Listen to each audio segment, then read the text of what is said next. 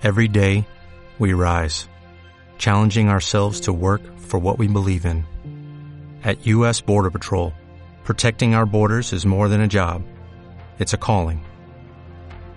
Agents answer the call, working together to keep our country and communities safe. If you're ready for a new mission, join U.S. Border Patrol and go beyond. Learn more at cbp.gov/careers. Això no és forma de treballar, perquè és que me sent allargant les paraules amb un eco insoportable. La gent va pensar que, que estic beguda o alguna cosa. I no serà perquè Màxim és un mal tècnic de so? O sigui, sabeu què vos dic? Benvinguts als Players, un programa de Sabut i Ricardo.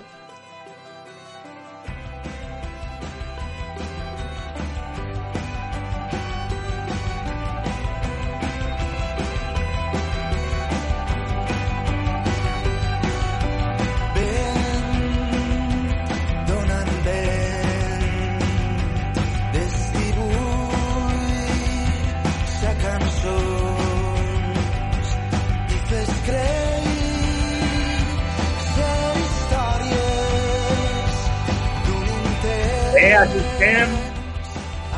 Màxim, Laura i jo, Freddy, un dia més. Avui dia 29 de març, qui ho anava a dir? Estem confinats. Eh que sí, companys? Sí, així estem. Així estem intentant gravar... Ui, perdoneu. Què Ja fas? És un tècnic pèssim. Mireu, Eh, perdona, eh. Freddy, segueix. Com deia, estem a dia 29 de març, fa pràcticament un mes que estàvem gravant en directe i ara, en canvi, avui ens trobem ja amb una segona setmana, més o menys, de confinament, Sí. poc més, en quarantena, amb un virus, una cosa super particular, super estranya, i per tant tenim un programa també molt especial. Sobre què amb la parlareu? quantitat de gent que tinguérem, eh? Sí, eh? Un públic, sí, sí. però... Menys mal que ningú de nosaltres tenia coronavirus i no s'ho va pegar a tots. Home, deia, sobre què parlareu avui? Veu, bueno, primer Laura volia fer un anunci. Sí, resulta que vaig a fer una careta super xula eh, anunciant un programa nou que jo us les recomano que l'escolteu per sentir-me a mi fent la careta. I és un, uh, un programa derivat d'aquest que és... Digues spin-off. Per què? Perquè més repel·lent? Sí. Un spin-off D'aquest que es diu Píldores... Píndoles d'història. Protagonitzat, realitzat, muntat i, Dirigit. i dirigit pel gran repel·lent Maxi. Sí, això és. Però la careta és meva. És un xicot de programa que ha sorgit un poc d'aquesta situació de dir estic avorrit, no tinc res que fer, aleshores... Bueno, he de fer moltes coses, però jo sóc una persona que si no està fent moltes coses a la vegada rebenta. I res, he fet uns, xico, uns xicotes programes que parlarem sobre certes coses d'història. Realment sols he gravat el primer, no sé exactament fins a, fins a quals gravaré ni res, i suposo que penjaré des un parell de setmanes. Molt bé. El primer programa és sobre el procés d'hominització. Dominització. Això és el que diu, Bueno, no? bueno, no anem a entrar més ahí. I ja, si voleu escoltar-lo, és això, són programes curtets. Este primer tindrà uns 40 minuts i simplement pues, analitza un poquet de l'estat de la qüestió del procés d'hominització. Doncs podríem posar un enllaç, no?, que t'emporta ell. Sí. El, el problema és que no està penjat encara.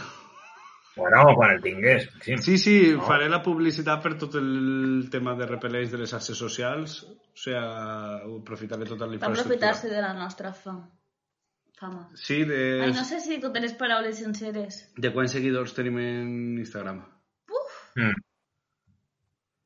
Quants? La Màxim. resposta era buf. Freddy, digues. Sí, que per cert que, que heu fet menció fa un moment, Laura i tu, a l'últim programa, i jo també, en la introducció, i menys mal que no, que no, va, no la vas liar massa en la relació entre el còlera i, i el coronavirus, eh? perquè s'ha anat de les mans. Jo no sé vosaltres, però jo mai me pensava mai de la vida que viuria una situació com aquesta. És que haver pogut clavar la pata tant Però jo Per soc una persona molt cometida.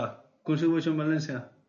Com esa. Com és? No, Jo què sé. tampoc. Una persona que no opina per opinar mai, ni dir la seva opinió sense fundamentar, ni res. Jo dic, això igual se mos va de les mans, tampoc diré moltes coses del coronavirus. Sí, sí, segur que era per això. Per si de cas. Sí, Freddy, les coses es hem passat de gravar un programa en directe a, Estar confinats. a estar confinats en casa i sense poder veure-nos perquè la connexió és tan roïn que no podem veure ni la cara de Freddy, ni la I de també hi ha nosaltres. que parlar de la gent que el toca estar...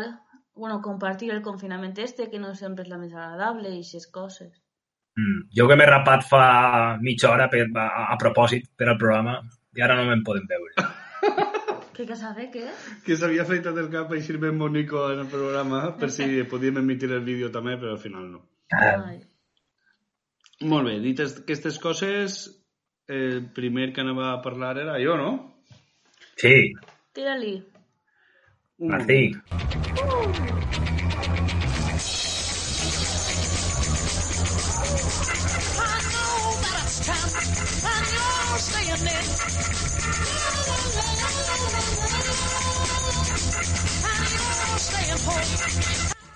Molt bé, ja estem així.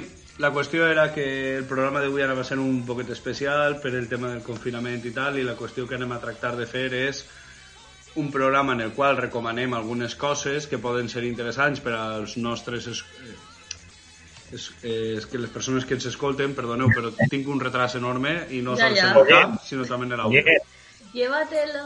Digues, Freddy. no, oients, que no t'eixia la paraula, oients. Damunt vas retras tot. Que- Lleva, llévate els auriculars i jo quan parle Freddy t'avise. Val. Molt bé, la qüestió és que jo havia preparat una sèrie de recomanacions, de fet és un poquet el tema, el leitmotiv del programa, re recomanar algunes coses, tot i que Freddy ja veurem ens ha preparat una secció que segurament serà molt xula i, és, i se'n va un poquet així. Però bé, jo simplement estem confinats, estem tancats en casa, m'agradaria... Eh, Ai, ai! Recorda que vull recomanar una cosa quan parles de llibres. Val. Val, la qüestió no la recorde, però bé. La qüestió és que la meva idea era simplement oferir un poquet, eh, recomanar un contingut cultural. I m'agradaria recomanar tres continguts. El primer realment són molts, que són els llibres de Ferran Torrent. Ja, jo crec que en algun programa deixa caure que sóc un gran fan de Ferran Torrent, i Sí. per a mi és l'escriptor valencià que està viu que més mola, en diferència. La qüestió és que eh, són molts els llibres que podríeu començar per a llegir Ferran Torrent. Jo no vaig a començar a contar-vos tots els llibres perquè seria una locura, però sí que podem dir que Ferran Torrent una sèrie de personatges recurrents que hi en tots els llibres, que tot i que les històries no són continuacions a vegades, a vegades sí, estan allí. Eh, a mi em pareix un escritor molt divertit, a vegades sí que és cert que al principi els llibres se passaven un poc de rosca, me dóna la sensació, cada vegada ha anat eh, modulant més tot això i per a mi els llibres més xulos que té són una trilogia que se diu la trilogia sempre s'ha dit la trilogia de la corrupció i tal que si no m'equivoque eh, són eh, Societat Limitada, Espècies Protegides i Judici Final aquests tres llibres jo els vaig, no, els- jo els vaig comprar una edició conjunta crec que l'editorial seria la Butxaca i no era excessivament cara, m'apareixen un bon preu per tres llibres, i són una meravella, una delicatèssima. Els llibres analitzen la corrupció política dels anys 2000, Bocato di Cardenale. Bocato de Cardenale. Vull dir? Jo què sé, si La no te sé, te sé en doble. La qüestió és que aquests llibres parlen de la corrupció política de, de València, està el València Club de Futbol, està un alcalde de València, hi ha un president, alguns empresaris, bueno, són una autèntica meravella. Són espectaculars. Eh, després m'agradaria també recomanar un llibre seu que segurament és el que més coneguem tot el món i el que tot el món haurà llegit a l'escola, que és Gràcies per la propina. I aquest Sí. és un llibre eh, d'un to prou més amable i, i la veritat és que és espectacular. Amable i amarg a la vegada, però bueno, en general jo diria que és prou amable. No, no és... És de més que són molt més irònics, sarcàstics. Aquests són... De fet, aquest llibre es lletja a la secundària, o es llegia en la meva època. Sí, jo no el vaig llegir i el vaig llegir l'any passat, en estiu. Vaig tindre un moment d'anar a llegir... No, l'any- fa dos anys. I el vaig agafar perquè estava preparant-me per al C2 de València, que vaig passar, evidentment, de se nota, i vaig agafar-me tots els llibres de Ter Ferran Torrent i me'ls vaig llegir. Aquest en concret és una meravella. Jo el recomano sempre. Gràcies per la propina, em pareix un llibre fonamental des que s'han escrit en valencià. I després també m'agradaria recomanar últimament, ha fet una altra, una altra trilogia, com els que he comentat abans, que això sí que van units. Ara ha tret, eh, són, perdoneu, són dos, un dinar, un dia qualsevol, no, són tres, disculpeu, un dinar, un dia qualsevol, individus com nosaltres i poder contar-ho. Aquests tres llibres tornen a ser com una trilogia on sí que segueix la història, tot i que poder contar-ho per a seguir la història va al passat, i també són uns llibres que estan molt, molt interessants. Sobretot, i a mi el que més m'ha agradat és l'últim, el de poder contar-ho. El de Individus com nosaltres em va aparèixer també un poc que se passava, com li passen tots els llibres primers, de no emprenyeu al comissari, un negre amb un saxo i tal, però que realment són meravelles. Jo és espectacular, els llibres se llegeixen a soles i, i molt divertits, retracten molt bé tot el tema valencià de la corrupció, de la política, del futbol, i per últim, ja en Ferran Torrent m'agradaria recomanar un llibre que s'escapa de Judici tot això. final. Eh? Judici final. No, això és el que he dit que estava en els altres. El Era- de era espècies un- protegides, societat... No. Va, l'he pillat ara. Freddy Sandrist? No. No, Freddy Sandrist? però si vols ho faig, eh? és que no sento Freddy ara. S'estan riguent ara. Val. Per a quedar bé. Molt bé, la qüestió, l'últim que m'agradaria recomanar per a mi, que m'encanta, també és el de Ombres en la nit. Ombres de la nit és un llibre que parla de, de la València de la postguerra, un, un llibre molt dur en aquest aspecte, València don, és una cosa molt negra, la idea que te transmetís el llibre, i hi ha un personatge que és un gitano, eh, aquest col·labora en una banda terrorista jueva a matar els nazis que s'han pogut salvar de, de tot el tema de la Segona Guerra Mundial i de més. I aquest llibre possiblement siga el llibre més històric i també és una meravella, la veritat, m'encanta aquest. I, I ja que estàvem en la Segona Guerra Mundial, no? m'agradaria recomanar un llibre que va arribar a les meves mans d'un altre autor, realment és, un, és una novel·la il·lustrada, més que una novel·la és una, No és una novel·la il·lustrada, eh? és com podria, una novel·la gràfica, Sí. però tampoc és una novel·la perquè realment és pràcticament com un assaig històric. És una novel·la perquè ens conta una història i després, si llegiu el llibre, Pues digues un Entendreu? còmic, collons, repel·lent. vale, un còmic que és de Paco Roca, un escritor valencià, bueno, il·lustrador valencià i escritor, i el llibre se diu Los surcos de l'azar, que han tret una edició ara, que està molt, molt xula, perquè inclou alguns pròlegs que l'edició original no tenia, i a més, al final, inclou un poc com és el procés d'escriure aquest llibre. És un llibre il·lustrat que té 300... Que no és un llibre il·lustrat. Una novel·la gràfica, no, com era? Un còmic. Un còmic d'unes 330 pàgines, crec que té, 340. Eh, el preu, evidentment, és un poquet alt, però penseu que són 300, Home. 330 pàgines totes a color. Per l'amor de Déu. De fet, a mi no m'apareix no m'apareix excessivament car, tampoc, la veritat. Però, Bueno, clar, si ho, si ho comparem, 330 pàgines crec que són. No, el preu. El preu, no sé si eren 22, 22, per l'amor de 25 Déu. euros. La il·lustració que n'hi ha? Evidentment, jo si ho compares això en els altres llibres, doncs és un poc més car, però la faena que té és espectacular. Aquest llibre el que fa és contar la història de la, de la 9. La 9 va ser un, un, una divisió eh, de l'exèrcit francès d'alliberament que estava a les ordres de, del general de Gaulle i en la qual n'hi havia molts espanyols. Entre ells, segurament, el més cèlebre, possiblement el més conegut, siga el borrianenc Amadeu Granell, i ell conta, o sigui, la història que va parlar en una persona que havia format part de la 9 i li conta totes les peripècies. La veritat és que és espectacular, el llibre este és una I meravella. que és molt bon dibuixant.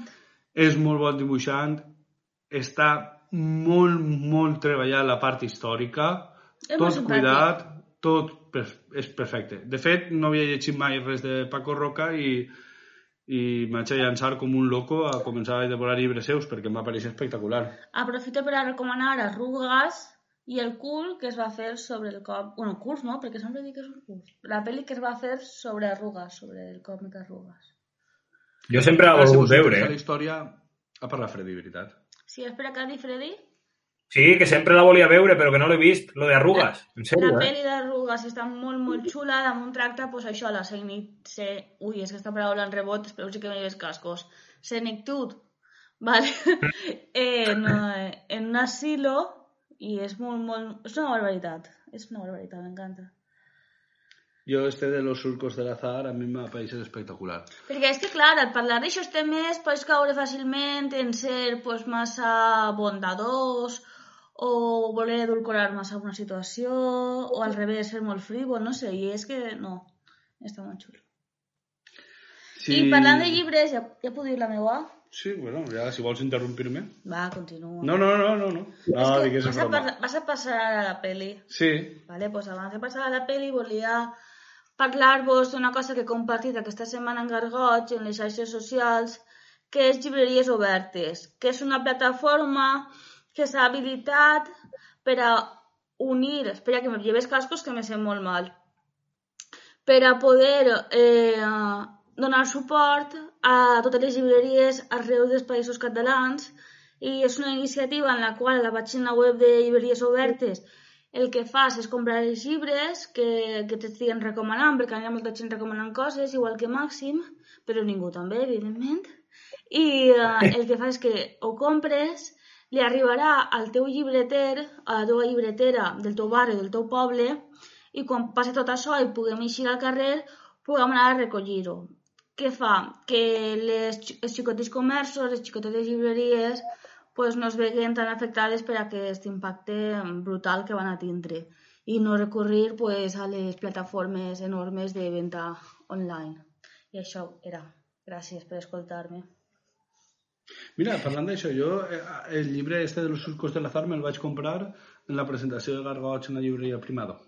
Mira, veus? Una llibreria que està superxula en l'avenida Prima de Reis de València, que és, és menudeta però supercundidora, té de tot, Ah, està bonica. molt ben sortida, el llibreter també és molt amable Envia mails. i, i res, eh, recomanar-vos-la quan passi tot això, que arribarà l'estiu i el bon temps, és un Pepe bon moment. Miralles. El llibreter, El llibreter. no me'n recordo. És que com m'envia mails... Ens envia mails perquè fa, la veritat és que té una agenda cultural molt, molt variada, interessant, i, eh, i els que vulguem ens, ens envia un mail i ens recorda eh, tal dia vindrà tal escritor, tal dia vindrà tal... Evidentment ara està tancat per aquesta situació i esperem que li vagi bé i que pugui Clar. reobrir les portes. Molt bé, i ja per últim i per acabar, eh, Laura vos parlarà d'algun tipus de pel·lícules en concret que estan prou relacionades el coronavirus. No, però parla d'esta pel·li. Sí, però jo m'agradaria analitzar una pel·lícula que és un to molt més amable, però és un poc... L'altre dia jo vaig començar a veure memes, jo ja portava una setmana dient, tot això me recorda aquesta pel·lícula, però la veritat és que l'altre dia vaig començar a veure memes en aquesta pel·lícula, i és El dia de la marmota, Atrapado en el tiempo, realmente. El, a veure, el nom en castellà era Atrapado en el tiempo, en anglès era El dia de la marmota, i al final jo crec que és coneguda més en Espanya com El dia de la marmota que Atrapado en el tiempo, que no sé això. Sí, el nom original en anglès és el dia de la marmota. De fet, ara te'l diré. Bueno, aquesta pel·lícula és una pel·lícula dels anys 90 de Bill Murray, Groundhog Day. És una pel·lícula molt, molt, molt divertida, en la qual el Espera, que presentador... si Freddy està... L'has vist a Freddy, veritat? No, no l'he vist. La tinc pendent també, eh? No l'has vist, diu. No, no, no. L'altre No, dia no, li deia a. Me la va recomanar fa uns dies. La qüestió és que aquesta pel·lícula el que fa és... Eh, el present, el present, és un presentador d'un telediari, bé, el- el- l'encarregat del, del temps, que ja sabeu la costum esta americana de si així la marmota s'ha acabat l'hivern, si no així no, se'n va a un poble i en aquest poble on estan fent la tradició de la marmota se queda atrapat en aquest dia. I passa, diguem, un, un procés d'ensenyament on passa de ser una persona prou cruel, una persona prou, prou Es va desagradable, re- redimint. a ser una persona una me- meravellosa, diguem, Bueno. però tot això sí, sí que ho és, en el fons, al final té un procés d'aprenentatge i de més, i és una pel·lícula, sobretot, molt divertida. Molt divertida, molt graciosa, amb gags que te partixes directament i, i és un poc com se sentim, no? Que passe el que passe, talses, te fiques cara a l'ordinador a teletreballar o al que siga, dines, teletreballes un poc, fas com un poc d'esport si tens ganes, dutxes, sopes, dorms i tornem a començar i ja portem en aquesta situació pues, eh, ara són ja de 10 dies, crec, i la que ens espera, possiblement mínim un mes. O sigui que Home. és una pel·lícula que per lo menos pot trencar aquesta rutina.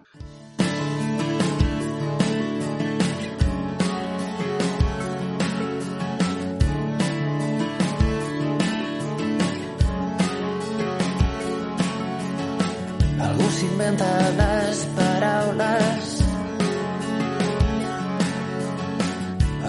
dir que al sostre no hi havia res. Amago l'aire dels pulmons dins un globus que s'escapa i amb una corda es va aixecant tot el meu pes. Bueno, Maxi, un dia més. A veure, jo avui, què tal m'escolto? Perfecte, seguís. Jo avui eh, m'havia preparat una sèrie de reflexions davant la situació de confinament que, de confinament perdó, que estem vivint i també bueno, alguna reflexió en torn a la, a la possible sortida, el que seria el post-Covid.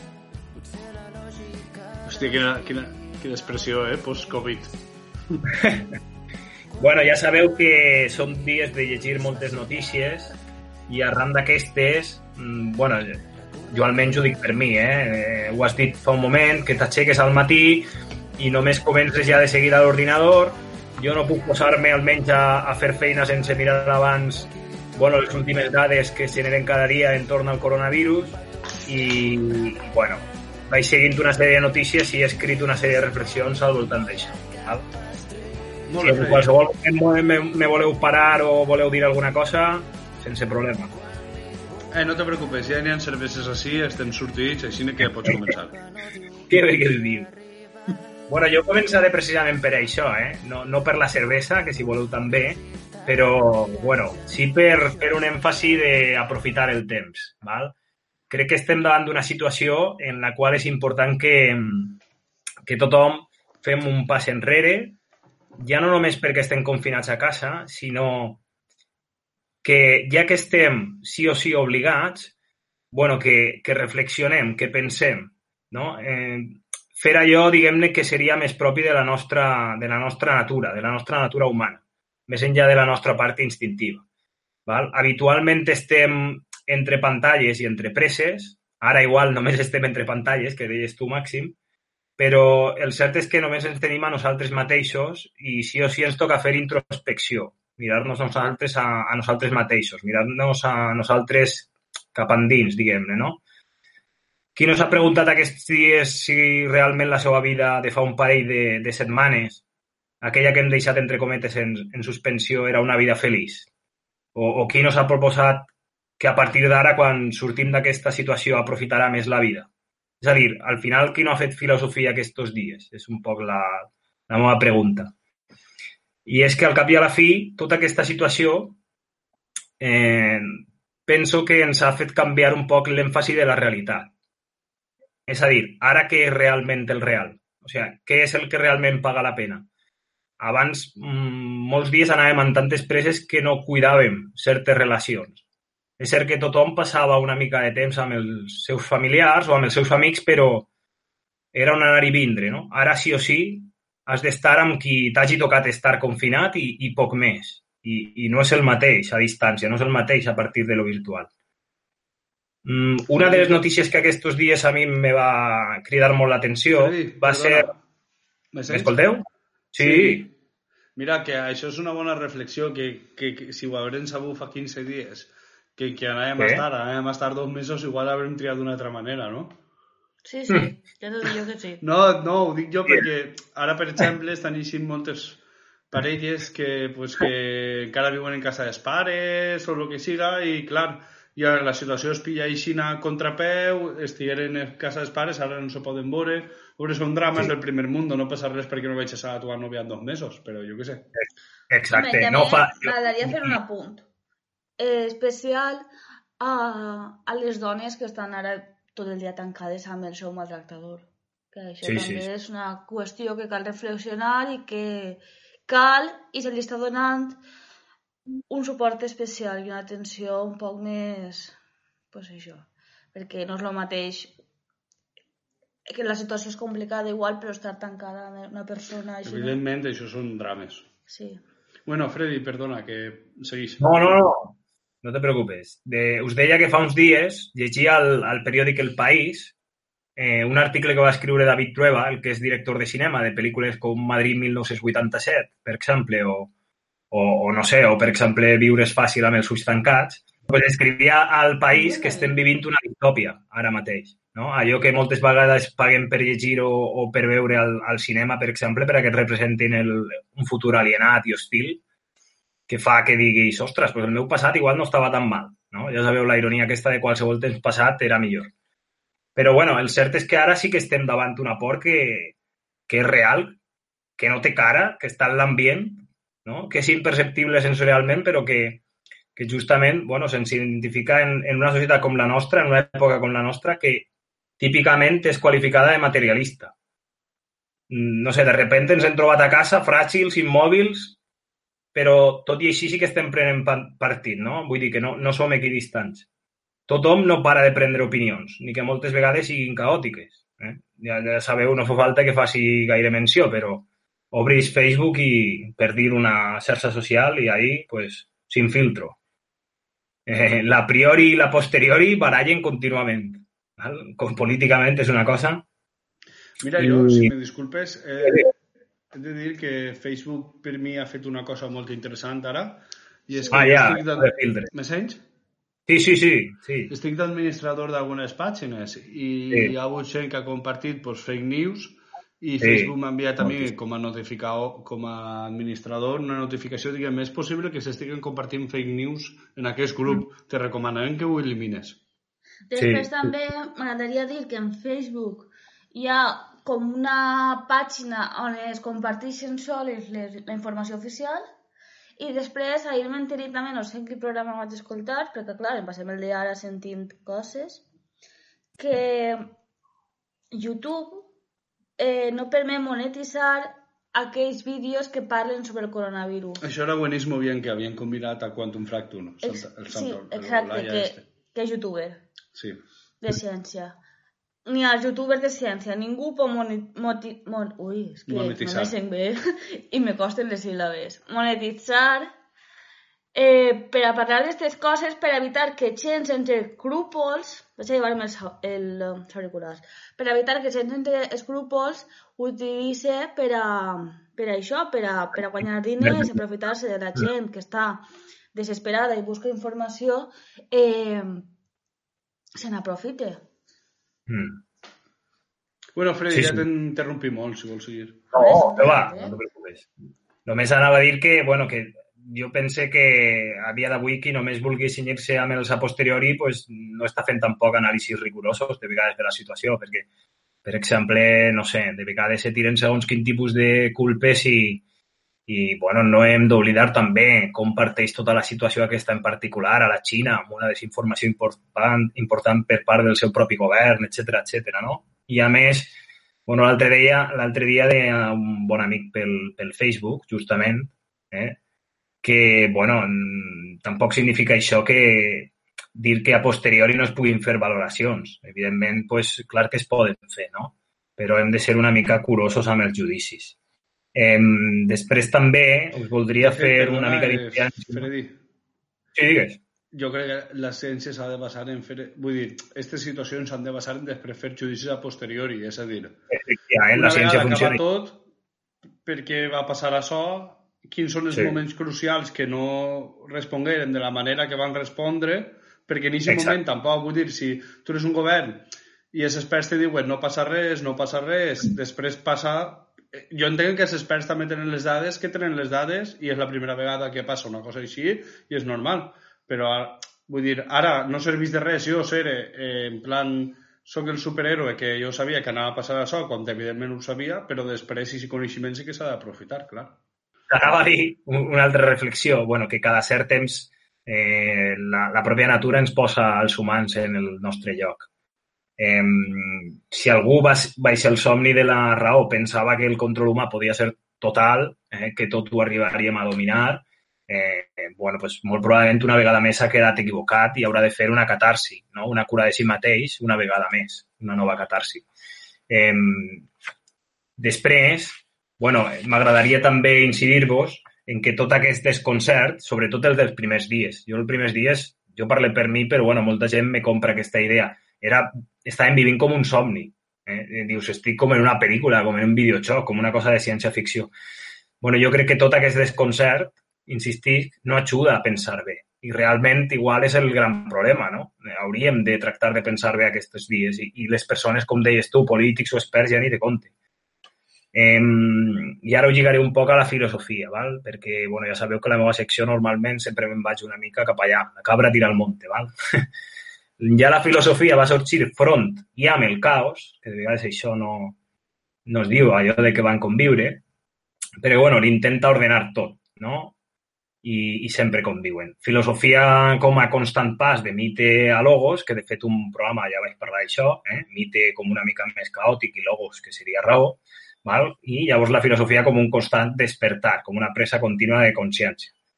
A pesar de que en el mite ja hi ha logos i el logos, la raó moltes vegades ja està mitificada, eh? com si ens anara a portar al coneixement total de les coses. Bé, eh, és cert que ara vivim el temps este de, de la postveritat, de la desinformació, de les fake news que dèieu abans, val? i mm, jo crec que en aquest context, en un context també de relativisme, eh, bé faríem en entendre, en, en atendre perdó, a pensadors com Habermas, val? que és un filòsof, que salven una mica la figura del nostre propi cos, eh? la figura del propi filòsof com a guardià de la racionalitat. En quin sentit? Bueno, diu, deia ell fa uns anys ja, el llibre ja té, ja té més de 20 anys, eh? si fa no fa més o menys té 20 anys, teoria de l'acció comunicativa deia que bueno, estem davant del perill, estàvem davant del perill i el tema dia d'avui, de que el món vital, el món de la pròpia vida, sigui anul·lat per processos racionals, suposadament racionals també, no? A dir, que les persones siguin eliminades per mecanismes suposadament racionals, no? D'ahir que el filòsof hagi d'estar darrere pues, augmentant la, la racionalitat comunicativa. O sigui, el que estigui ahí al darrere generant aquest tipus de discussions també i, bueno, de, de posar ordre a la situació. Eh, I és que no hi ha que oblidar que travessem un perillós període de eh, pèrdua de valor de les democràcies val? i auge dels populismes. I amb aquest estat d'alarma, justament, que estem ara vivint, per exemple, ja hem vist situacions molt deshumanitzadores. Des de no ser acceptades persones perquè suposadament estan contagiades, a fins i tot tirant-li pedres eh? en la seva rebuda, segur que ho heu vist per la televisió, malauradament, a discriminacions ètniques, Això és com O- el que estàs dient de les pedres i això és lamentable. Eh, Eh, la línia de eixa eh? és- o simplement anar avui en dia al supermercat és una, és una locura, és una epifania de la deshumanització, és una manifestació d'aquestes que dius "Pff, vaya tela, no? bueno, no, no, no, són, són generalitzacions, eh? però Si deixes coses parlaré jo també un poc després. Vale. I, bueno, en conjunt aquesta crisi ja és, Què? ja és sanitària, és econòmica, és política i és social. Ja és un conjunt de, de totes aquestes de, totes, de tots aquests elements. I no oblidem, els grans canvis al final s'han produït a la humanitat quan, a partir de, de guerres, de crisis econòmiques, d'epidèmies, d'aquest tipus de situacions. No estic dient que ara vagi a anar un, un gran canvi, no ho sabem, igual és massa precipitat, però els grans canvis s'han produït en aquest tipus de circumstàncies. En conseqüència, haurem de veure quan dura aquest virus i com és la seva eixida, no? perquè existeix el perill d'enaltir pues, discursos populistes descuidant allò que teníem abans. Que igual algú diu, no, no teníem tan, tantes coses bones. bueno, igual toca posar-ho tot una mica en, en una balança i fer judicis. Mai hauríem d'oblidar com va arribar, per exemple, Hitler al, al poder. Eh, I ara recordo un parell de, de, de filòsofs també que, que aquests dies han estat escrivint i que, bueno, per, per, perquè veieu una mica l'actualitat de la filosofia entorn d'un problema com aquest. Eh, en aquest sentit, hi ha un filòsof sud-coreà que es diu Byung-Chul Han, és difícil, eh?, com s'escriu i com es pronuncia, que aventura que el post-Covid, aquell terme que li ha agradat a Màxim, portarà una nova transformació del capitalisme. Eh, I aquest, el capitalisme, pues, passarà a ser més autoritari, d'estil asiàtic, que aquesta expressió de vegades pues, és complexa, la veritat. Però eh, ell ho diu en el sentit que eh, la, digi la digitalització, eh, la vigilància que es pot fer a partir de, de l'era digital, recolzarà aquell capitalisme. Sabeu, per exemple, què sé jo, eh, que així te controlen segons quin tipus de coses no està ben vist per la visió que tenim de la Unió Europea. O vaig a dir d'una altra manera, igual la Unió Europea és més liberal. Eh? Tenim una sèrie de drets que són més respectuosos en la nostra vida privada que no, en canvi, el que tenen, per exemple, a la Xina, no? a pesar de que ell és sud-coreà. I, bueno, això em porta a pensar, no sé si haurem d'anar rellegint 1984 d'Orwell, però, bueno, esperem que, que només siga per gaudir. Freddy, puc parlar? Jo estava I tant, i tant. M'havies mudejat? No, no, sí, antes no, perdó. No, el tema de les xarxes socials en Xina. Clar. Sí. sí, perquè, per exemple, Xina ha utilitzat el tema de les xarxes socials, que ells utilitzen d'una manera per a controlar l'epidèmia molt, molt... Vull dir, lo que Efectiva. Fe... Efectiva, era controlar la gent, si eixia o no eixia. I si tu havies sigut infe... eh, tenies coronavirus, an anem a veure que havies moviments havies fet per a tractar de, de mirar per on havies passat, per a poder... Altres avui això és impensable encara. Igual arriba, però és impensable, efectivament. A veure, jo no, no sóc el defensor de Xina No. totalitària ni res, però el tractament de dades des d'una manera, diguem-ne, anònima completa Però és que no pot ser important. no. Clar, no, no així, però podria ser interessant i col·laborar per a aquesta, superar aquestes situacions. Sí, sí, sí, tot és, seria mirar. Clar, el problema és si després ja se te queda instaurat o... Sí, sí. I si s'aprofita Ja. per a fins comercials.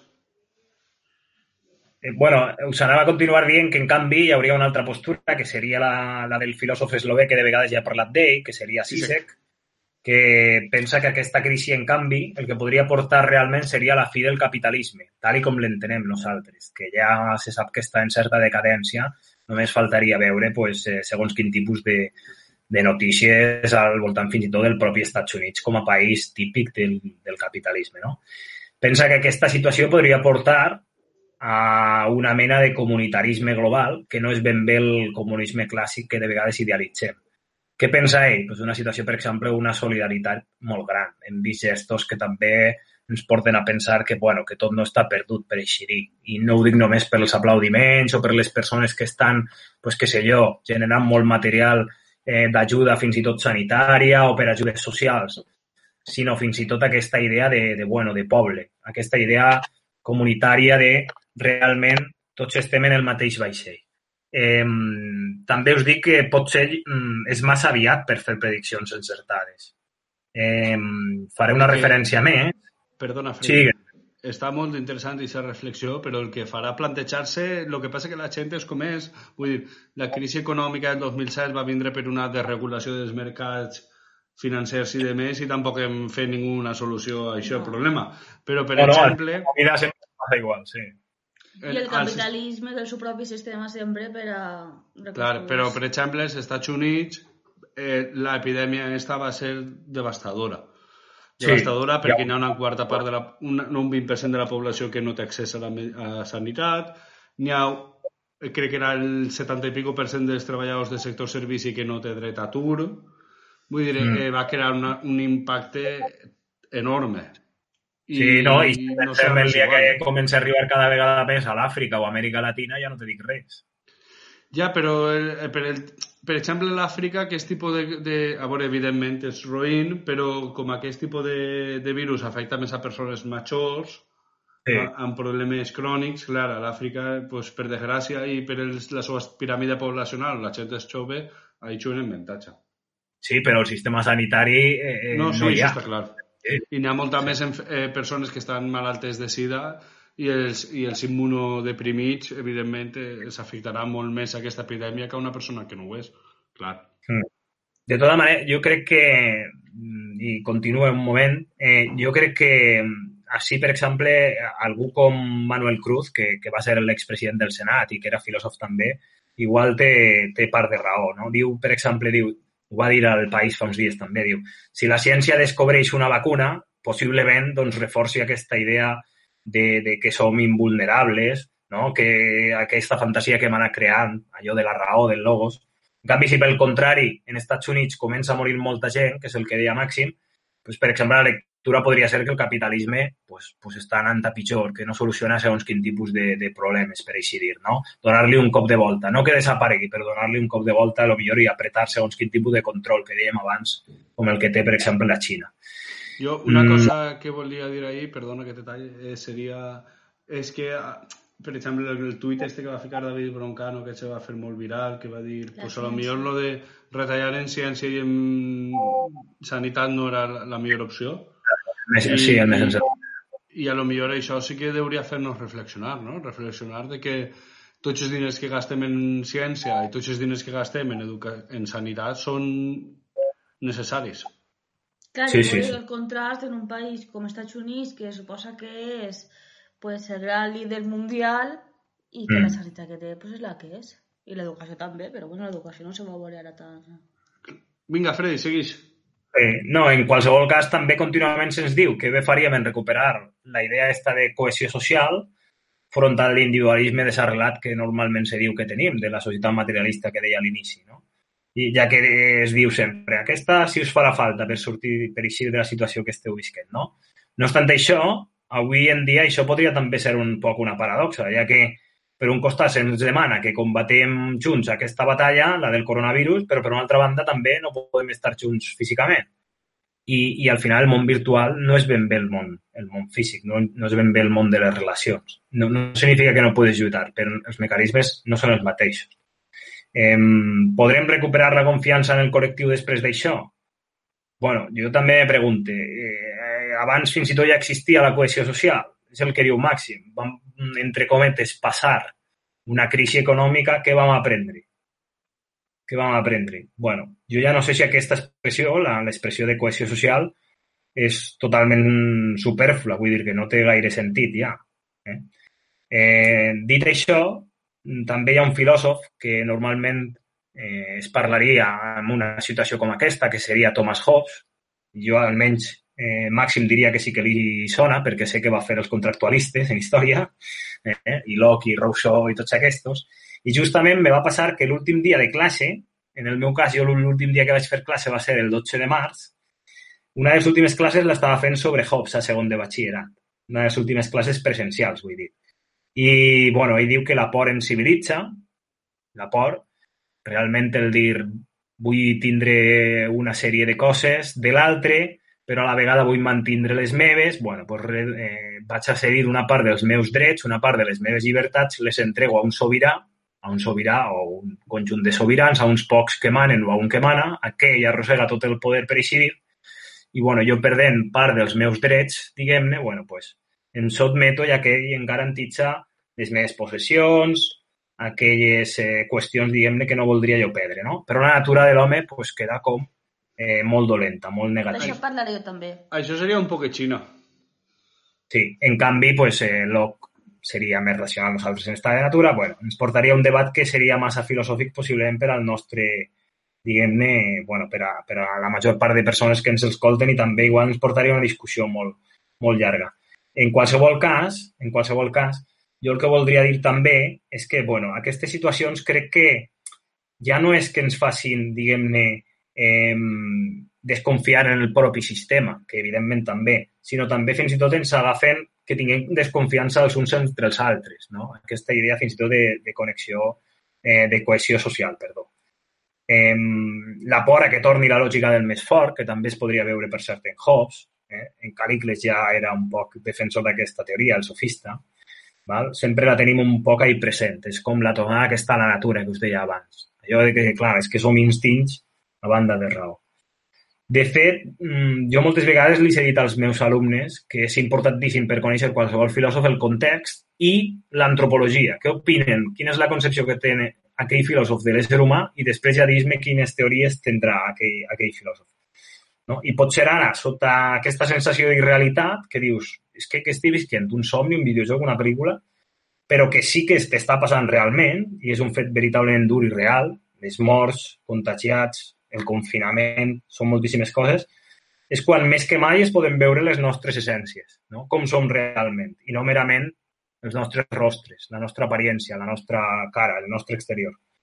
Quedar-se a casa, col·laborar, aplaudir, totes aquestes accions són molt, molt lloables en, en nom del bé comú, però jo crec que no haurien de ser les úniques que aprenguéssim aquests dies. No? La pandèmia del món virtual, pandèmia entre cometes, ja, ja estem veient que no pot substituir mai el, el món real. Val? Ens agradi més o menys, més o menys ens necessitem els uns als altres. I això és el que volia compartir amb vosaltres. Molt bé. Moltes gràcies, Freddy. De res. Veus? Així he demostrat que us necessito. No, Encara que m'agradi o no m'agradi, eh, he dit. Ojo, he deixat ahí la porta, eh? He deixat ahí la finestreta.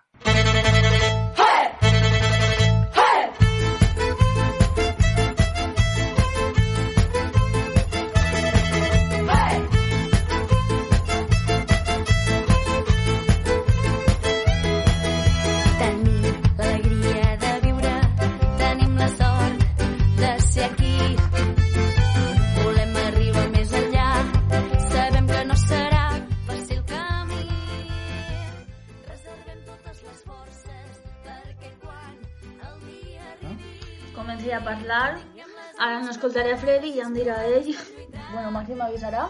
Sí, jo sóc el, el jazz.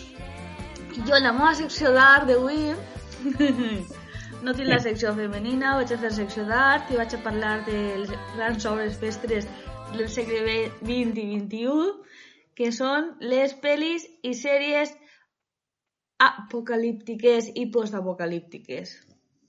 Walking Dead, Walking Dead. Fa alguna valoració? Ha dit Walking Dead, Walking Dead. Ah, claro. No, després, quan, després quan parli de Walking Dead fic, me ficaré per escoltar-te.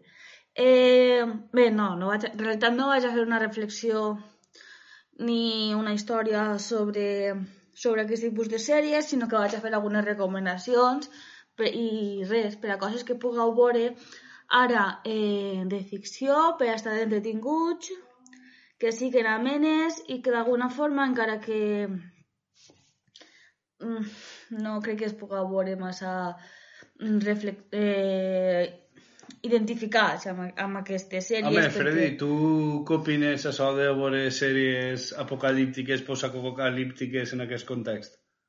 Home, jo estic veient Walking Dead, per això ho he dit. Sí, jo estic mirant Walking Dead. Està mirant The Walking Dead, no? Però a lo Sí, sí. millor, jo què sé, igual... No, no acabar en seu moment i estic recuperant-la. A veure, és que també hi ha una cosa que estàvem parlant en la vida moderna, eh, justament Jorge Ponce, ai, perdó, no sé No seria la vida moderna, seria la resistència. La resistència, sí, perdó. Que era que som uns herois per estar en casa, però que quins herois més cutres que som. Perquè som herois així, embatint, tancats... No n'hi ha ninguna èpica amb el que estem fent. Vull dir, Home, és que ciutadà normal. s'imaginava estar així. Què? Ni s'imaginava estar així. I, i eh, d'aquesta manera, i, i, amb, i amb un batint, com a heroi. Claro, és que t'imagines... Darley. Clar, saps tu el que vaig a recomanar jo i una característica important d'aquest tipus de ficció és l'èpica. I una èpica que Eh. pues, no, pues, no tenim. Bé, vaig a parlar d'això, sobretot de zombis, de, bueno, això, apocalipsis, i diguem que és aquest gènere que està sempre un poc entre el terror en alguns casos, la ciència-ficció en altres, encara que no hi ha com una catalogació eh, genèrica, perquè Jo- clar, no són iguals totes. Puc digues. fer un disclaimer? Sí. Estimats oients, feu-vos una idea que Laura és expert en art, feminisme i pel·lícules de zombis. No, no és veritat, no sóc experta en res. Parle de tot sense saber, com tu, No, però, però pel·lícules de zombis i sèries de zombi, vull dir... No és veritat. Continuem.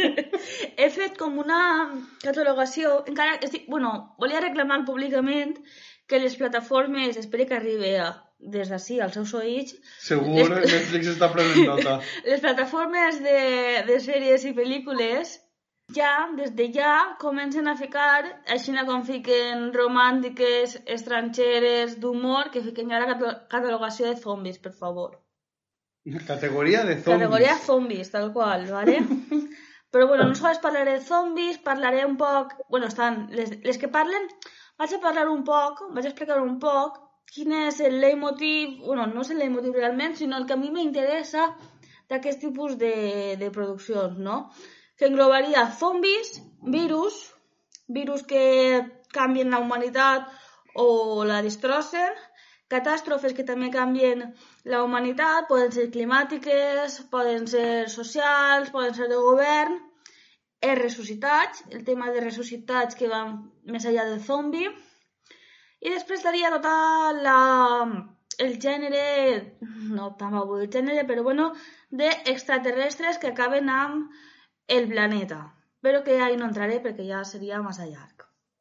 El que m'agrada d'aquestes produccions és com exploren l'actitud humana davant d'un canvi de paradigma que es fa més o menys ràpid, però molt més ràpid que eh, com es fan els canvis de normal en, um, en les adaptacions progressives que fem a través de les generacions, no? de com van canviant els canvis socials, econòmics, així és molt ràpid en comparació.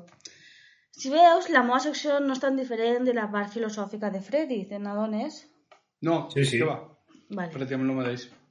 I sobretot que és irreversible, que aquest és un punt important que fa que siga la situació eh, diferent la nostra, perquè nosaltres, jo crec que la majoria, menys la gent més conspiranoica, saben que això va ser, va ser eh, reversible. Bueno, reversible el 100% no, però vull dir que la societat tornarà a existir, que sí... Que anem a eixir al carrer més o menys ràpid i anem a continuar en les nostres vides, que van poder canviar, però van a continuar sent les nostres vides. Exacte. Ah, així no, així són moltes irreversibles. M'agrada quan... um, El que més m'agrada a mi és quan exploren les misèries humanes, les emocions extremes, perquè el que fan aquestes sèries no importa que l'enemic sigui un virus invisible, com el cas nostre, o que és l'enemic invisible, no? que tanta por fa, o un zombi, que al final és una invenció, eh, sinó eh, agafar un grup de persones i explorar tot allò que li passa i sent i com s'organitza en situacions límit, no? Totes les emocions extremes, pors, com van canviant a les persones les pors, que al final també és, in és interessant veure com es revelen la seva naturalesa, realment quan tens situacions tan eh, límit eh, són, com són realment, i quines són les prioritats, que també estava parlant amb el Fred d'això, no? que de repente les prioritats en la vida canvien, per a bé o per a mal. Eh, també existeix en aquest tipus de produccions i de ficció un joc. Un joc, dic joc no com màxima al joc, sinó de, de, de jocar, no? Eh, en el nostre sistema de valors, en la nostra cultura... Aca acabes de dir... Acabes de passar-te en mi? Sí, és que són diferències, tot és, tot és xoc. eh, de, pues això, del canvi del nostre sistema de valors i cultural, no? Com de repent eh, sobreviure i els, eh, les capacitats i els valors que van a posar-se que van a ser necessaris no poc tenen que veure amb, amb, amb, lo, amb lo que tenim avui en dia com triomfar i tindre èxit, no? Es va valorar la, super, la supervivència que depèn de les capacitats físiques, la capacitat d'adaptabilitat i habilitats com gestionar les situacions extremes, el lideratge, no? És eh, també el que estàvem parlant un poc sobre eh, deixar la teva llibertat i posar-la en mans d'una persona que té habilitats de lideratge, que moltes voltes té que veure amb poc escrúpols i manipulació, vull dir, en aquest tipus de ficció, no en el lideratge en general. I també capacitats mecàniques, no? Com de repent tu pots ser un enginyer informàtic avui en dia i estar guanyant una barbaritat de diners, però realment el que va a aportar a una comunitat amb, amb aquestes característiques va ser el que sàpiga construir amb fusta, sàpiga treballar el metall, sàpiga fer armes... Vull dir, és que canvia totalment el, el, el paradigma, no? Eh, la, nostra, la nostra base cultural se'n va a la basura i el que va tindre èxit o seran més les persones egoistes, homes, perquè els homes tenen una capacitat eh, diguem, per la seva cultura, formació, sociabilització, de, bueno, crec jo des del meu punt de vista, eh, estan més entrenats cap a aquestes habilitats físiques i de guerra i d'estratègia que la formació que tenim les dones i les capacitats físiques, evidentment, són molt importants i seran, pues, això, protagonistes manipuladors que seran els que sobreviuran. Mentre que les persones bones, intel·ligents, de forma acadèmica, diguem, o més dèbils, que tenen algun problema de salut, més sensibles, pues, són les que tenen totes les papeletes per a morir. Això m'encanta perquè el que fa és qüestionar-te pues, moltes coses, no? Vull dir, tu mai... Bueno, jo no vaig anar mai amb... No vull dir en això, no vull fer apologia sobre les persones basura, però sí que te trobes que, que realment es reflexiona molt entorn a, amb la justícia, amb el que és el karma, el que és Déu. Així que hi ha molta ficció que, que és, eh, diguem, eh, vol donar una lliçó moral, així el que passa moltes voltes és que no, no existeix. Tu sempre intentes que la persona bona triomfe, que no el maten, i així no existeix aquest tipus de justícia perquè l'enemic no té un sistema moral. L'enemic, com passa amb el coronavirus, no és mal, no és una mala persona, no, simplement t'ataca a tots per igual i depèn de la capacitat de defensa que tu tingues. No, estava pensant això, que, que, que és cert, eh? Estem veient que arriba a afectar el coronavirus, que no ho hem dit, però bueno, que és obvi, a, a, a tipus de persones totalment diferents. Evidentment està la qüestió de l'edat, està la qüestió de, de si tenen alguna patologia prèvia, però no, no ens iguala en la mesura en què hi ha persones molt adinerades que també ho estan patint o ben posicionades a la societat. El què? El coronavirus, dic. Ah, clar, clar. és que no. Si és un monotema, Laura, això, per El favor. principi no l'havia sentit. Pensava que havien en totes les No, no, sèries. per la resta, per la resta que ha comentat totalment, ja dic, jo, jo estic revisant aquesta sèrie que la vaig deixar en el seu moment, la de Walking Dead, i, i tal qual, el, el, la descripció que està fent Laura és, és, és aquesta, és aquesta. Sí. I a més, una cosa que m'encanta, que és la millor, jo crec que d'aquestes ficcions, de moltes d'elles, no de totes, és el sentit de l'humor. N'hi ha moltes que treballen en l'humor d'una forma magnífica. I bé, acabat el meu anàlisi, vaig a fer les meves recomanacions, ¿vale? Eh, bé, no vaig a tirar de clàssics i això totalment personal. Vull dir, moltes sèries no és que siguin boníssimes per ser un especial, no es poden posar en ningun altar, però si les recomanes seran o bé perquè tenen personatges interessants, perquè treballen bé aquest anàlisi encara que els altres recursos no siguin tan bons, o perquè pues, diguem que sí que complixen pues, esta sèrie d'exploracions de, de exploracions que a mi m'agraden molt. Eh, de totes formes, cal anomenar a George Romero, el creador dels zombis, no? Eh, en les seues pel·lícules La nit eh, dels morts vivents, vivents El despertar dels zombis i El dia dels morts. Eh, aquestes pel·lis jo vos recomane per a saber sobre la història dels zombis i explorar bé eh, significa i com es construeix amb, al llarg de la història des de pràcticament crec que va ser l'any 68, la primera, el, el programa, el podcast de Todopoderosos que fa Rodrigo Cortés, Javier Cansado, Arturo González Campos i Juan Gómez Jurado, que tenen tan bons noms. En el seu programa... En els, en els oients que tenim per a que es derives a altres podcasts. Clar, és que Clar, som, molt això no progressem, eh? som molt generosa. el número 19, el seu programa anomenat Zombis i David el Nomo.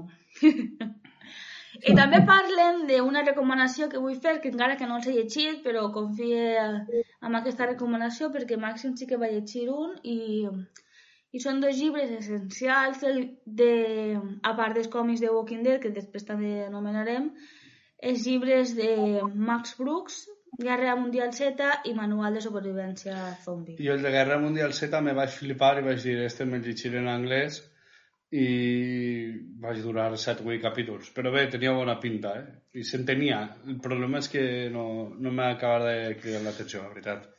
Si tu dius que s'entenia ja, és que s'entén, vull dir, és que és el teu criteri. bueno, començaré per les pel·lis de zombis. Eh, tirant cap a l'humor tenim així humor britànic, a Edgar Wright, amb una pel·li que protagonitza Simon Pegg i Nick Frost, que és Zombies Party, eh, Shaun of Dead, que són bàsicament dos cretins que no prenen una bona decisió en la seva vida i que estan molt ocupats mirant-se el melic, que de repent eh, viuen una, una, una catàstrofe zombi, no sé exactament com ho dir, un despertar zombi, una apocalipsis zombi, no? És com que li donem molt poca importància això durant tota la pel·lícula. Bueno, és que són persones que no li donen massa importància a res i és molt, és molt divertit veure-los també evolucionar com a personatges, no? De com són persones que al principi pots odiar i li vas agafant aquesta estima i al final pues, van redimint-se. Que per cert, jo sobre això vaig veure l'altre dia un vídeo que van penjar a les xarxes socials que estaven Simon Pegg i Mike Frost parlant per el telèfon mòbil. Nike, ai, Nick, Mick, eh, i era en plan, eh, Mike, Mick, perdona, li dia Simon, Nick, anirem a, anirem ara a Winchester, i li dia, no, no és una bona opció, la millor opció és quedar-se en casa, no, però ahir a Winchester estarem bé perquè tindrem... Bueno, i feien un poc de broma, però sobretot recomanant que se quedem en casa. Va aparèixer un vídeo que estava molt graciós i damunt tenia la seva funció. Eh, N'hi ha algunes escenes que m'agradaria eh, destacar.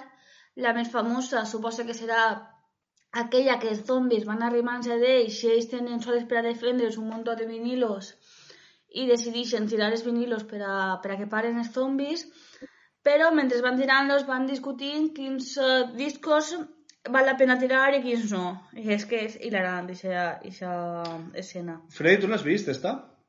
Sí, i aquesta escena és brutal. El que passa és que fa anys que la vaig veure. Eh? Sí. Vull dir que ja no recorde molts dels discos, però recorde riure molt, eh? Està molt bé. Damunt és que està molt ben feta. I l'exemple és l'altra, el que vaig a parlar ara, que és un traveling que fan eh, quan encara no passa res, seguint un poc el personatge de... El Rubiet és, és Simon, no? Sí, Simon Pegg. eh, en la seva rutina que va a la botiga a comprar eh, marranades, no? I passa, pues, passa per un cotxe que està netejant un home, un Si no pobre... Què? Si no recorde mal, crec que has dit una, dos polos i dos refresc rotllo Pues Red això va comprar. Eh, per exemple, n'hi ha, una, n'hi ha un moment que és clau, vull dir, tu vas veient tot el recorregut, no? N'hi ha un moment clau que un home passa fent footing, entra al supermercat, ho compra i va pagar, l'atenen i tal.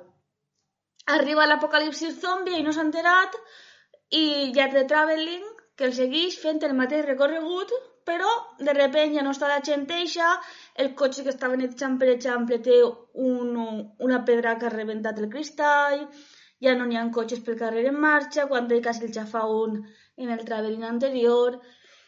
Eh, de repent passa també en el mateix moment l'home corrents, però ja no és un home fent footing, és un home que està pegant a fugir, però ell no se n'adona de res, perquè està massa ocupat en les seues gilipollades. Arriba a la botiga també, no s'entera de res, va a la nevera de refrescos, va obrir la nevera de refrescos i hi ha dos mans ensangrentades marcades le- l'empremta i no se, no se n'adona. I és un, és un paral·lelisme que està fet d'una forma magnífica. Que per cert, estos van fer com una espècie de trilog... No sé si són trilogs, són quatre o cinc pel·lícules en, en el mateix director i els mateixos actors. Tenen una altra que d'això no vas a parlar, que és la de Bienvenidos al fin del mundo, que és igual però en alienígens. No vas a parlar perquè has dit que no anaves a parlar de... No sé, terrestres no vaig a tocar. Però també està molt divertida aquesta. És que els extraterrestres és altra història, ja no és la mateixa reflexió. No, és veritat, perquè de repent... És que me recorda molt del que estava parlant Freddy de l'agermanament entre tots els éssers humans. Quan arriba una, una invasió extraterrestre, de repent ens iguala a tots, de repent el racisme, eh, les diferències culturals ja no són tan importants perquè n'hi ha un puto bitxo que és molt més diferent de nosaltres que ens vol conquerir i de repente ens veiem tots més iguals i és que és altre, altre tipus de, de reflexió, no té res a veure. No em preneu en sèrio perquè estic parlant de zombis, però... No, però Freddy, tu què penses? Bueno, si vols dir-me sobre si opine que són semblants o diferents o sobre què? No, sobre tot el que ha dit, Laura. No, sí. Eh, Bueno, jo crec que s'ha explicat molt bé lo de la diferència de, de quan ve un ésser que de vegades, un ésser o una pandèmia o una catàstrofe natural, de, de repente és com si la societat, la humanitat se n'oblidés de moltes de les diferències que tenim. No sé si m'explique, que de vegades aquell mal que, que, que era tan particular, tan nostre, se difumina, per així dir. I, i, i tens un nou i dius, no, no, este sí que és el, el, el de veritat, este sí que és el real. Què sé jo, no sé, al final eh, hauríem de fer un anàlisi més gran de, de, de, del nostre dia a dia. Mol- Moltes de les coses que de vegades eh, pensem que és el nostre major problema, ostres, si el traus del context particular del que tens, jolín, És que, No? de fet, jo crec que per al que més serveix o per que més utilitza jo aquesta ficció és per evadir-te completament d'aquests problemes perquè de repente no tenen cap tipus de d'importància. Tu penses, buah, estic així super preocupat perquè he d'entregar un treball, he de fer el TFM i realment dius, hòstia, és que igual demà s'a- s'acaba el món i el més important és tindre un arc en, en la tauleta de nit per a poder matar. Sí. Ho diu perquè. Té un arc en la taula de nit. És de mentiretes. Bueno, continúe. Eh, conti bueno, en el sentit de l'humor he acabat amb les pel·lis i ara recomanaré dos un poc més crudes. Una és Cargo, que és australiana, eh, que és interessant perquè està basada en que un pare ha de deixar que algú s'encarregui de la seva filla, si no un poc resumit, també dins d'una pandèmia, epidèmia, invasió zombi, i és molt xula. I després una terrorífica, la més terrorífica que jo he vist, que ahí sí que entraria en el terror, que és Train to Busan, que és una pel·li coreana sureña, Sí, serà de Corea del Sur. de. Corea del Sur. No, no, sí, sí, lo que no sabia de dir-ho. Surcoreana. Que, surcoreana, això. que és de Jeon Sang-ho, bueno, no sé pronunciar-ho. Que també és un pare i una xiqueta, la xiqueta més major, clar, aquella és més un, un infant d'uns un any o dos, un any crec. I esta ja és més majoreta, esta ja parla i això tindrà, no sé, fa que no la veig, però una xiqueta més majoreta. I és molt interessant perquè hi ha una cosa que se repeteix molt en les sèries de zombis que tu hauràs vist molt en The Walking Dead, que és el eh, fer-te una fortificació fins que s'invadix, has de canviar de fortificació, te n'has d'anar a un altre lloc, siga la càrcel, siga la granja... Anar canviant de lloc segur, no? Però si passa tot en un tren. Aleshores, és que el terror és horrible perquè el tren continua anant, els zombis van apropant-se a tu i se crea hasta con fortificacions entre vagons i vagons. És terrorífica. I passem a les sèries. The Walking Dead. The Walking Dead, no sé, t'està agradant, Freddy? Sí, mira, passa que fa uns anys eh, vaig veure, pues, eh, no recorde ben bé on me vaig quedar, eh, però posa que més o menys al voltant de la cinquena temporada, una cosa així. Ara, a No, dia no, d'avui, si no. no m'equivoco, ja, ja han fet fins i tot la, de, la 10, la temporada 10. Sí. I, i sempre la... Bueno, m'agradava molt per, perquè hi ha filosofia implícita, se veuen molt bé els contractualistes, se veu molt bé allò que jo havia comentat abans de Hobbes, de si la por ens civilitza, del grup, del lideratge, Locke, si som en canvi racionals, si ja tenim drets per natura, que dirà ell, Sí. se veu a Rousseau, se veu en petites assemblees o democràcies, bueno, i, i clar, com té una mica d'acció, els guions estan prou bé més enllà de l'acció, bueno, a mi, a mi és una sèrie que m'agrada. Hi ha sèries que m'agraden més, no dic d'aquesta temàtica, que no conec moltes de les coses de les quals estàs, estàs parlant i, i agafaré idees i m'apuntaré coses, però, però a mi sí m'agrada molt, eh? Un referent zombi. Bé, sí, estic d'acord. A més, és una sèrie que dona molt per explorar. Mm. Jo l'abandoní. No vaig poder més en ella. Em pareixia molt repetitiva i és que és una sèrie molt irregular. Eh, van canviar molt eh, la qualitat. I jo, jo crec que, s'està, que moltes voltes es ven més al mercat i allò que espera el públic que no el que realment... fins i tot alguna temporada, és, però bueno, és que això eh, acostuma a passar, eh? Alguna temporada la veus que l'allarguen pues, d'aquella manera, no sé si m'explico. Sí. Que igual un capítol 2 o més, dius, és que me l'estan allargant per, per qüestió de, de, de, de màrqueting, de diners, de, de que estava triomfant la sèrie, o no sé com dir-ho. hi ha, hi, ha, hi ha diferents nivells de capítols, això és cert. I per veure situacions com les que jo he esmentat, de la filosofia dels contractualistes, realment hi ha moltes sèries i no fa falta que siguen de, de zombis, no? Pues Lost, de Perdidos.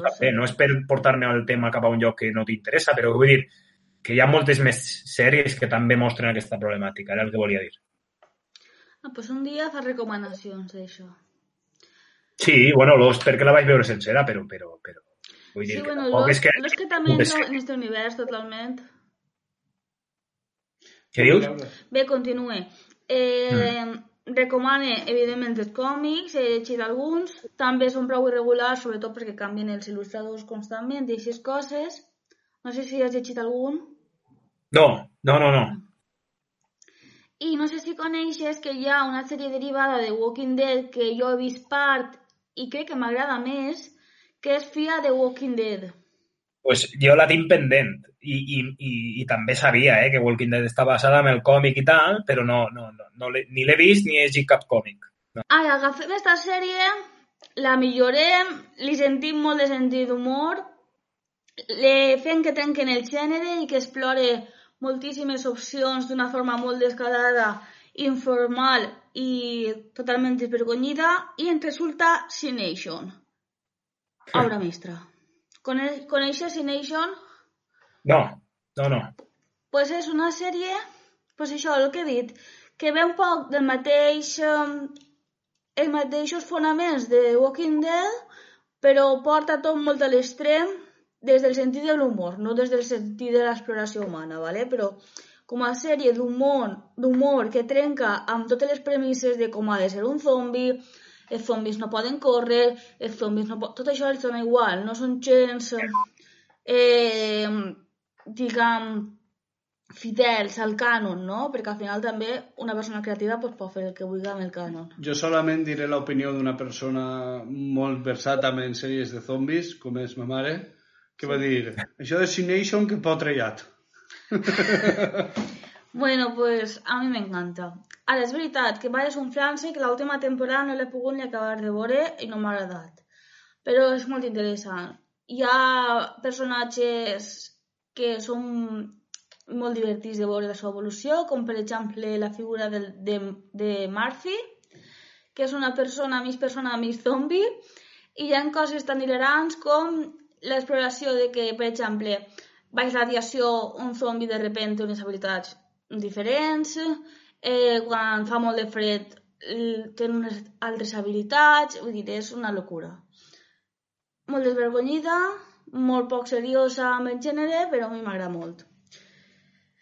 I després, doncs n'hi ha moltes més, no? Que algunes... Això ja jo ho veig més desunflat, però, bueno, cada una pues, aporta alguna coseta. Pues, podria dir The Flash, Helix, que Helix parla molt del tema científic i tal, està bé, Dead Set, etc. No?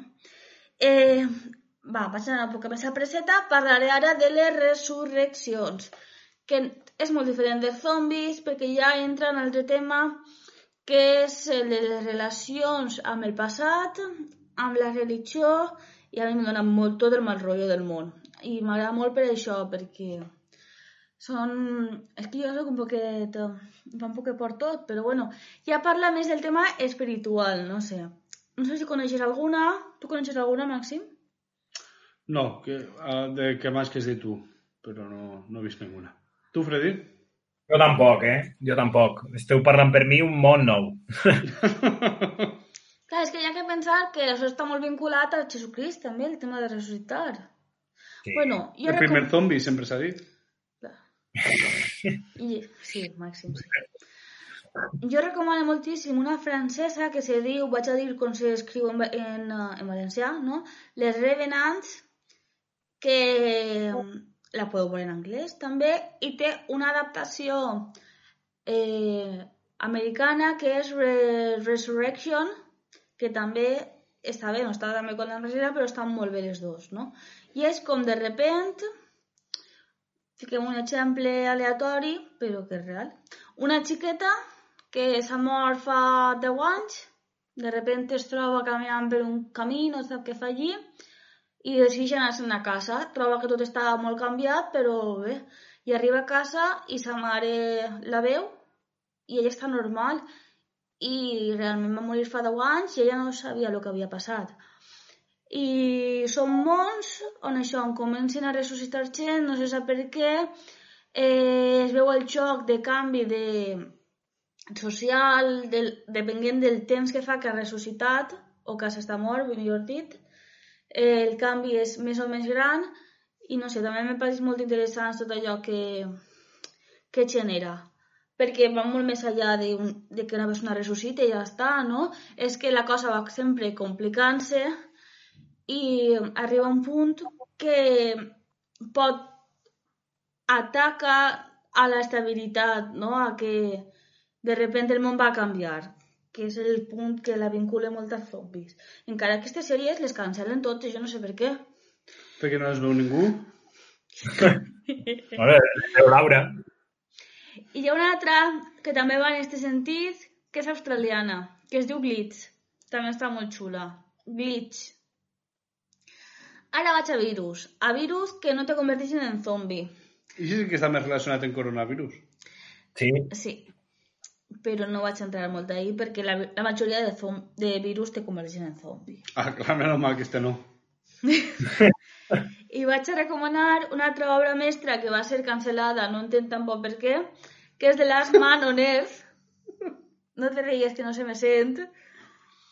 Que és eh, una flipada de Will Ford, que la protagonista, la dirigeix, ho fa tot ell. I, eh, i res, és... Sabeu això, la fantasia això que tenim de, de xiquets, de si quedar estancat en un centre comercial, les possibilitats que tindries de jugar en tot? I menjar-te golosines i coses així, no? Tot això està traslladat a un personatge, entre cometes, adult, és adult, però bueno, ja el coneixereu si voleu, eh, que té tot el món per a ella soles perquè el virus ha matat a tots menys a d'ell. Vale? És una cosa fantàstica. Després apareixen els personatges, xocotet spoiler, però bueno, si veieu el cartell ja veieu que n'hi ha més gent. I eh, és sentir de l'humor tot el rato. És molt còmica. Sobretot, la veieu en versió original, no para de fer xocs de paraules. Que és una cosa que a mi me mata moltíssim. Ja me val la pena la sèrie que siga roïn, perquè jo crec que és un poc roïn la sèrie, però bueno, és fantàstica igual. Per xocs de paraules paga la pena. I després, crec que ja estic acabant. Sí, ja, per acabar, perdoneu. És que som molt pesada amb aquests temes. Catàstrofes. Catàstrofes que canvien la societat. Esta sí que és un cliché, però és que me dona igual perquè és fantàstica, que és The Handmaid's Tale, que està basada en la novel·la de Margaret Atwood. Esta sí que la coneixes, Freddy, no? No, El cuento de la criada. no, no, no. Bé, eh, com canvia baix una por, com per exemple en aquesta sèrie és el, el canvi climàtic, sí, no? No sé, no l'he vist, Sí, sí, el canvi climàtic, que de repente les coses ja no van a poder continuar sent com són, com s'estableixen nous règims a partir de la por. I clar, de normal són règims totalitaris, que és un poc també que estàvem parlant, no? de, de vendre o regalar les teues llibertats per a tindre protecció i el que es veu molt en aquesta sèrie és com la religió Ah, no, no, ja sé el que passa. M'he liat. No, no, esta sèrie, el canvi climàtic és important, però el problema principal, clar, el problema principal és que l'espècie humana es torna estèril, pràcticament tota estèril. Culpa del mòbil i del 5G, segur. Aleshores, aleshores eh, s'agafen a la religió, a uns passatges en concret, sobretot, i les criades seran a- aquelles dones que queden fèrtils que van a servir de, de mares per, als, per a les famílies que, que siguen les, les casades, les famílies eh, que tenen un poc el poder. ¿vale? Entonces estem vist tot un nou ordre social, totalment piramidal, eh, pràcticament del segle XIX, diria, 18 XIX, i inclús l'estètica i tot, i també com els sistemes feixistes té tota una estètica particular i uns còdics de colors i tota una sèrie de Símbols. protocols, símbols, eh, que ajuden a, a que la gent continue, continue unida a eixa, entre cometes, secta o estil de vida. Mitologia, podríem dir, no? Sí, bueno, sí, es la religión, pero católica, apostólica y romana, pero sí me parece que digués així. No? I passa als Estats Units, en part dels Estats Units, crec que pràcticament tot, i no en la resta del món.